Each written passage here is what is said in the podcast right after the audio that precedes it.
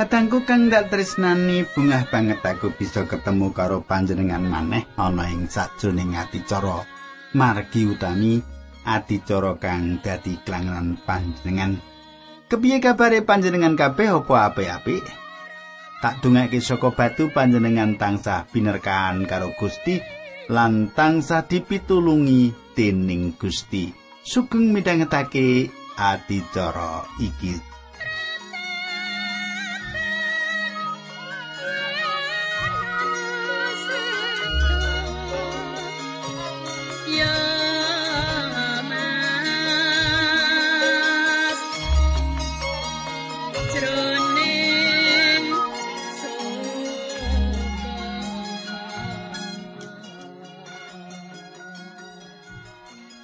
Kadangku tak suwun panjenengan isih kelingan apa sing ndak aturake nalika patemon kita kepungkur. Nalika semono aku wis ngaturake marang panjenengan kita miwiti ing kitab Wilangan, kita sinau ing kitab Wilangan. Nyinau bab pribadi-pribadi ing kang katulis sing bab siji kitab Wilangan. Nah saiki kita bakal nerusake anggon kita sinau ya kuwi ana ing pasal siji, isih ana pasal siji. Saiki ayate 18 lan pasal loro nganti ayat 34 mengko. Nanging sadurunge kita ndedonga dhisik aku bakal ngaturake salam kanggo Ibu Wiwi ya.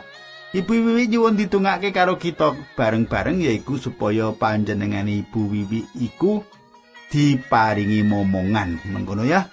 Ayo kita ndedonga bebarengan. Duh Kanjeng Rama ing swarga kawula ngaturaken gunging panuwun menawi wekdal menika kawula saged tetunggilan kalian sedherek-sedherek kawula. Lan kawula ndongaaken Ibu Wiwi ingkang sampun dangu. Pengin pikantuk putra ingkang dipun lairaken piyambak Kawula nyuwun Gusti berkahi lan Gusti mitulungi linambaran asmanipun Gusti Yesus Kristus kawulan tunggu. Haleluya. Amin.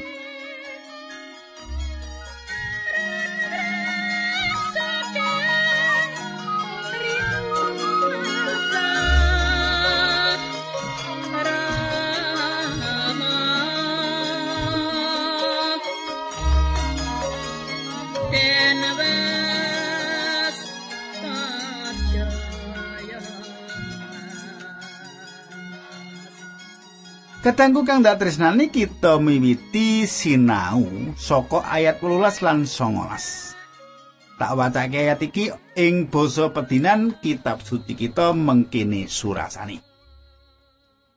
Nglumpukake wong Israel kabeh ing tanggal siji sasi kapindo lan nyatet wong mau kabeh miturut taler lan keluargane dewi-dewi. Kabeh wong lanang sing umur rong puluh tahun munggah dicatet lan dicacahake. Kaya sing didhawuhake dening Allah kabeh mau ditindakake dening Musa ana ing ora-arane pegunungan Sinai. Mengkono unine ayat 11 lan 19. Katengku sing dadi pitakonan ya kuwi apa to gunane sarasilah? Apa to gunane sarasilah kok nganti ing kitab wilangan iki ditulis nganti akeh? Apa sebabnya sarasilah iki dianggap penting manut priyantun kang nulis kitab suci iki? Sarasilah iki ana ing kitab suci duwe telung werna tujuane. Ana tujuane telung werna. Sepisan sarasilah iku narik kawigatene wong-wong sing padha nglakoni ing lakon iku. Rapi to yen bisa nyebut Mbah Buyut, Canggah Wareng, udak-udak lan gantung siwure urutan keluarga sing sing terus munggah ya to? Seneng to? Saka ngendi to bibit kita asal kamulane? Ngono ya. Sing kapindo ana sawetara jeneng ing sarasilah sing ora ditulis mung dipilih wae sing kegayutan karo miyose Gusti Yesus Kristus. Kaya sing ditulis sing perwaning dumadi keturunan-keturunan sing bakal dipinggirake saka isining kitab suci, banjur dibuang utawa ora ditulis meneh. Banjur sing ana sesambungane karo miyose Gusti Yesus dipilih lan terus bakal kaamot ing kitab suci. Perjanjian anyar diwiwiti kanthi sarasilah sing pepak nganti babare utawa laire Gusti Yesus Kristus. Perjanjian anyar iki ditulis ada dasar anane sarasilah saka perjanjian lawas. Nalika semono sarasilah sarasilah mau dicatet kanthi apik ing pedalaman suci. Jalan sarasilah Gusti Yesus iku ditata, diatur kanthi bener. Durung ana pitakonan saka wong njaba bab sarasilah iku. Sing katelu. Allah ora ngersakake kawin campuran.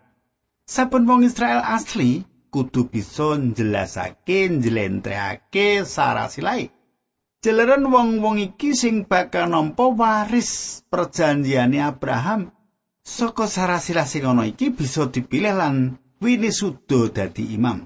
Kita bisa maos bab iki saka kitab Nehemia Pamane Nehemia pitu ayat sedak telu nganti sedak papat.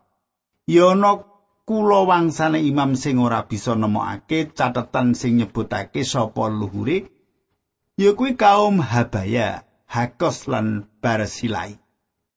Ana leluhure kaum Imam Barsilai sing kawin karo wong wadon turune kaum Barsilai ing Gilead lan banjur nganggo jenenge kulawargane maratuwani.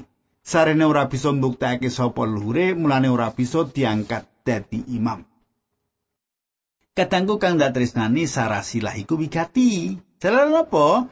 Jalaran saka sarasilah iku bisa ngandhakake kanthi kayekten. Yen wong kasebut mau wong Israel. Bisa ngandhakake kanthi bener yen wong kang kasebut kuwi wong Israel.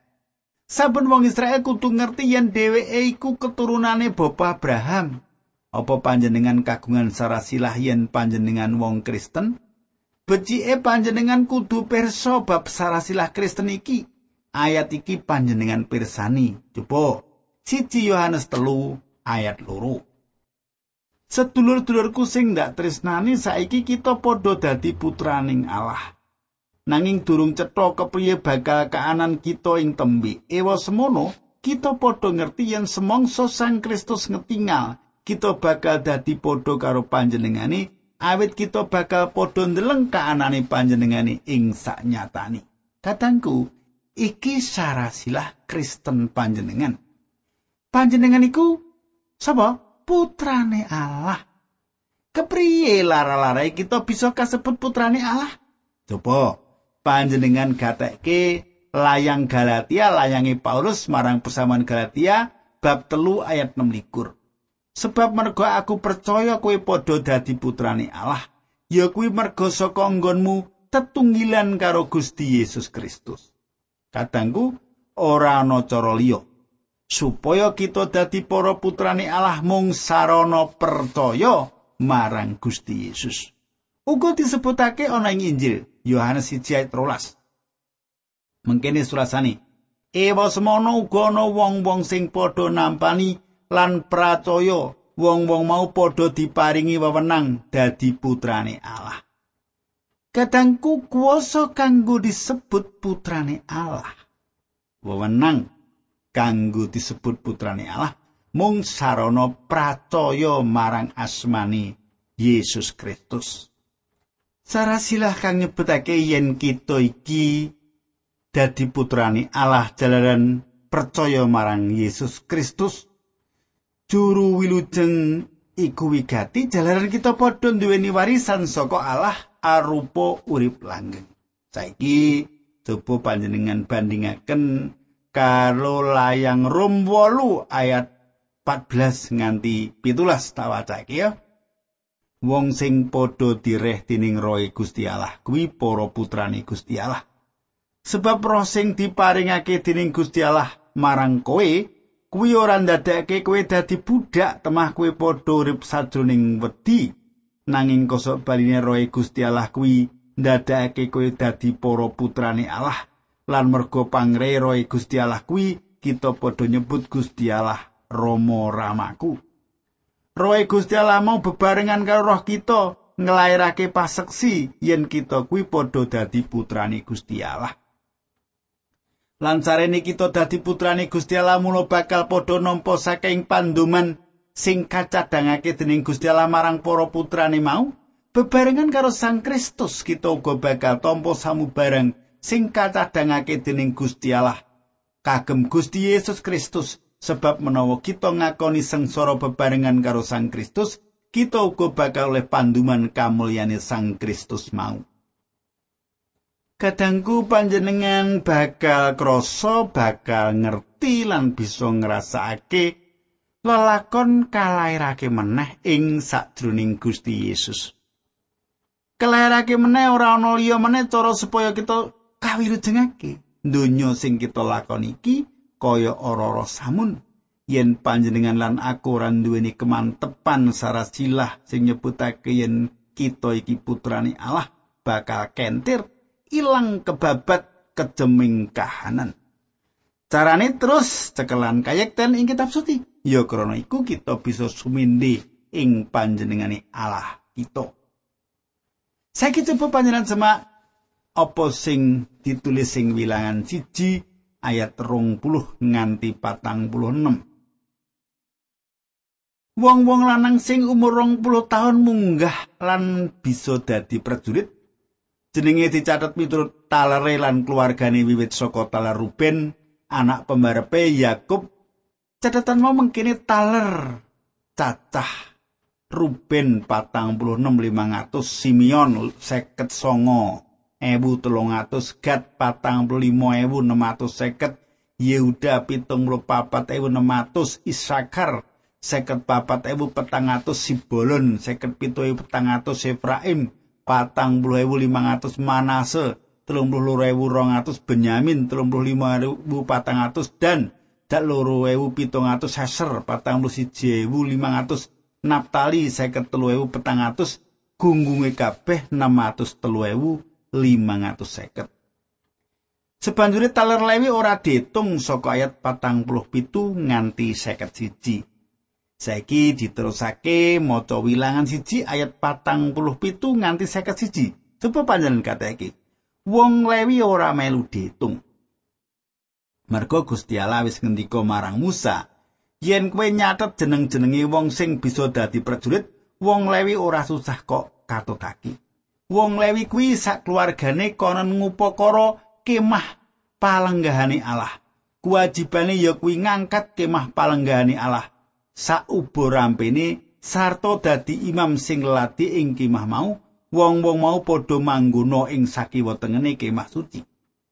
Semangsa ngali panggonan wong Lewi kudu ngrucati kemah suci mau lan masang meneh ing liya panggonan Kejaba wong Lewi sapa wae sing nyedak ing kemah palenggahane Allah kudu dihukum pati. Kadangku kene wong-wong saka taler Lewi ora diitung. Jalaran duweni kewajiban kabeh wektune kanggo ngladosi ing bait suci.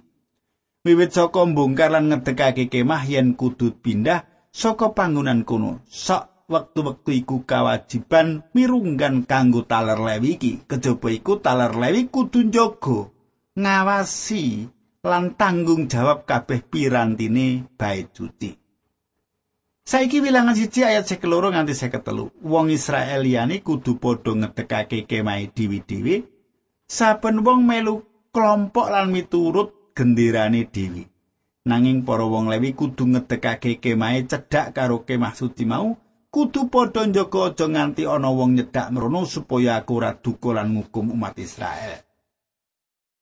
Kadangku kabeh wong Israel klebu bocah-bocah cilik kudu ngerti saka talar apa lan kepriye sarasilae. Ya, iki penting.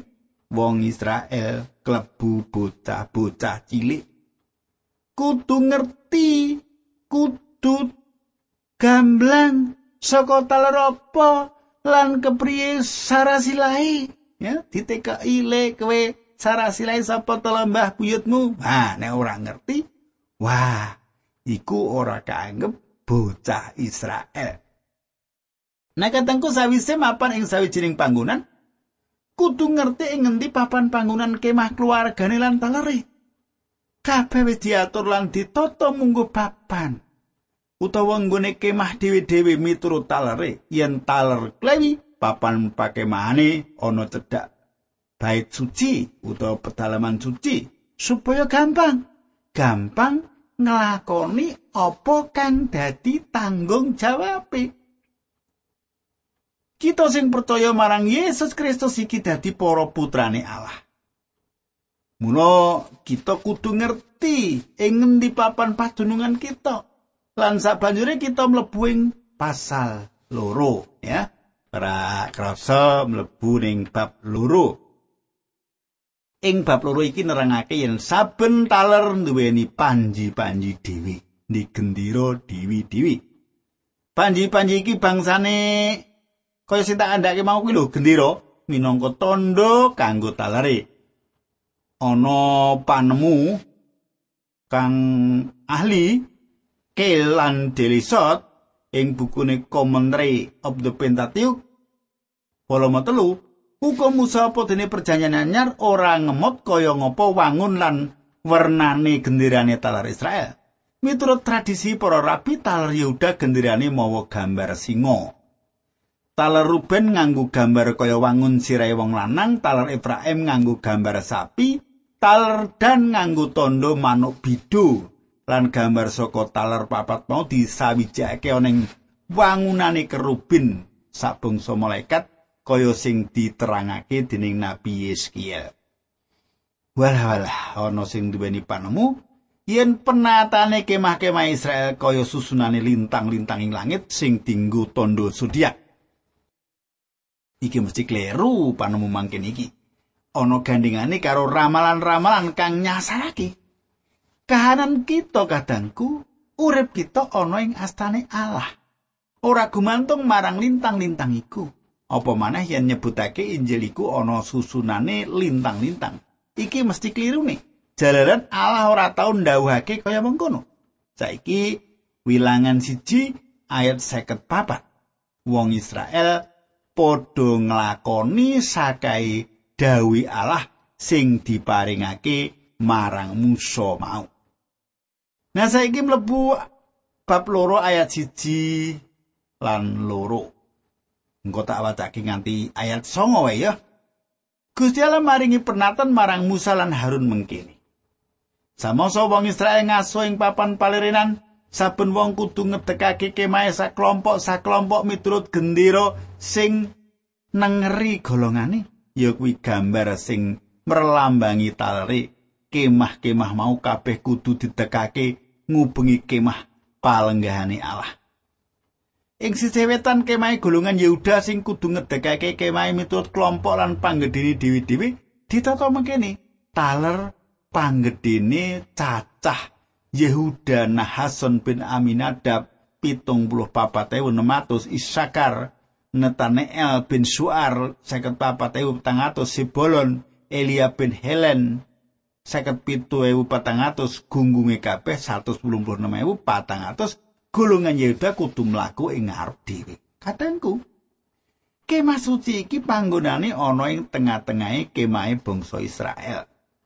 Lan saben taler bakal masang gendiro kanthi lambangi ana ing kemahe dhewe-dhewe. Ing sisih wetan talar Yehuda Isakar lan Jebulan sing lambangi padha karo Yehuda wujud singa yen ana lambang singa ing kono ana taler telu mau.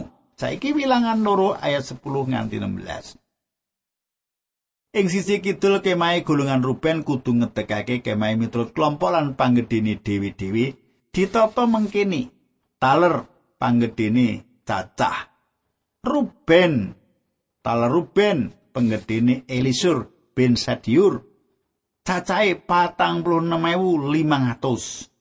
Simeon penggedene Selimiel bin Suri Siadai, gunggungi seket songewu telung atus. Gad, penggedene Eliasab bin Dehuel, cacahe patang puluh lima enam ratus seket. Gungunge kabeh 151.450. Golongan Ruben kudu mlaku ing mbune golongan Yehuda. Taler Ruben sing sisih kidul kumpul karo taler Simeon lan Gad. Saiki wilangan loro ayat pitulas samburine golongan Ruben talar Lewi karo mikul kemah palenggahane Allah. Saben wong kelompok lakune miturut urutan-urutan kaya nggone ngetekake kemah ya miturut genderane golongane golongan Lewi kudu mlaku ing sakmburine golongan Ruben. Ayat 18 nganti 24. Ing sisih kulon kemahe golongan Ibrahim saben wong kudu ngetekake kemahe miturut kelompok lan panggedene dhewe-dhewe ditata mengkene.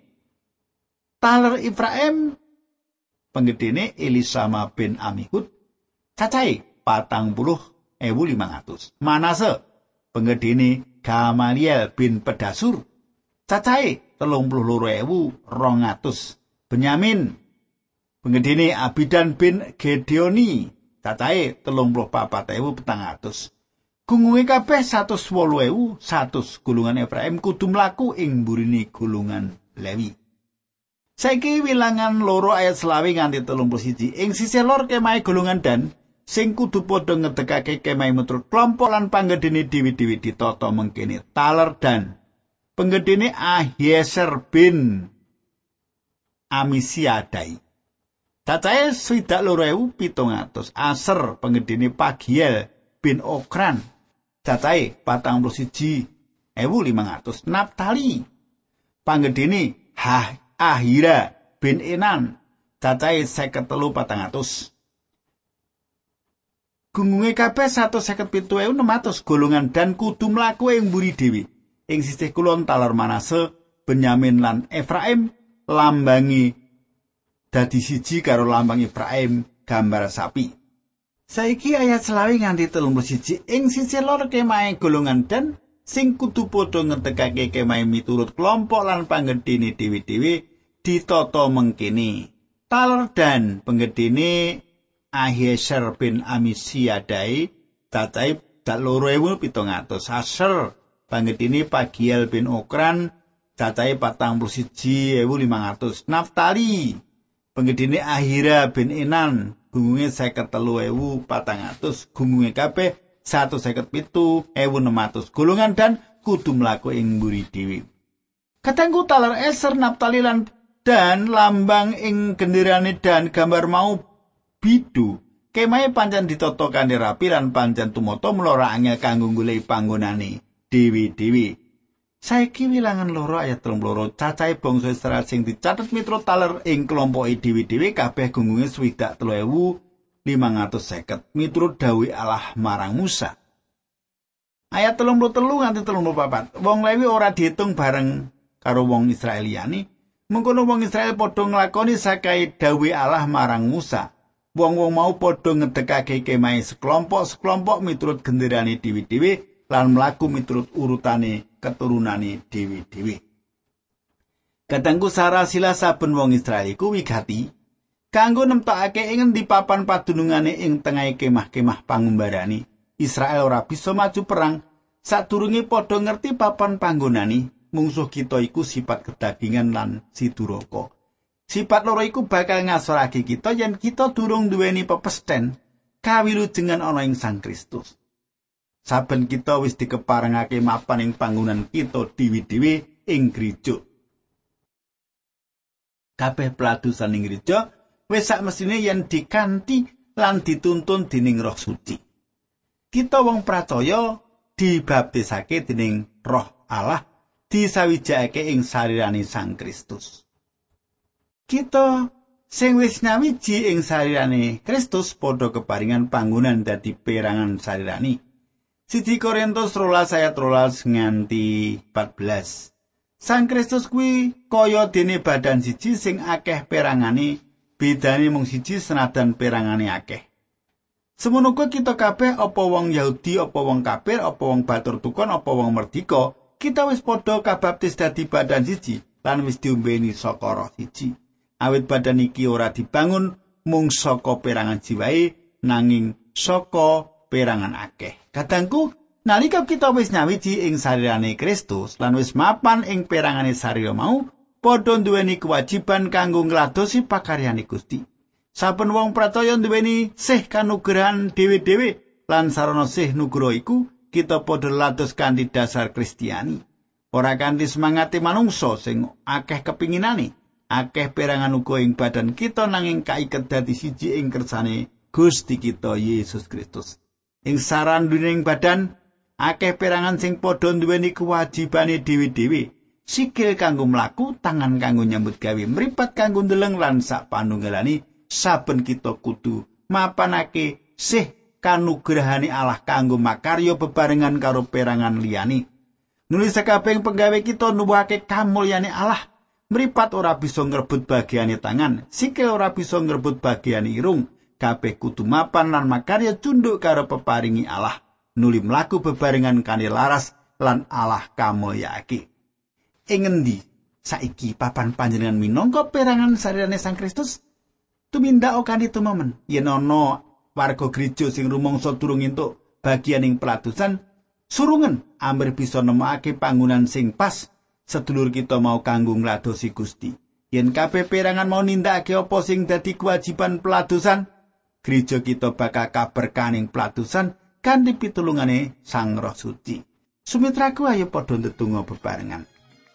Kanjeng Rama ing swarga kawula ngaturaken kuing panuwun menawi abdi sampun kapitados medharaken sabda menika. Dinambaran asmanipun Gusti Yesus Kristus kawula tunggu. Haleluya. Amin.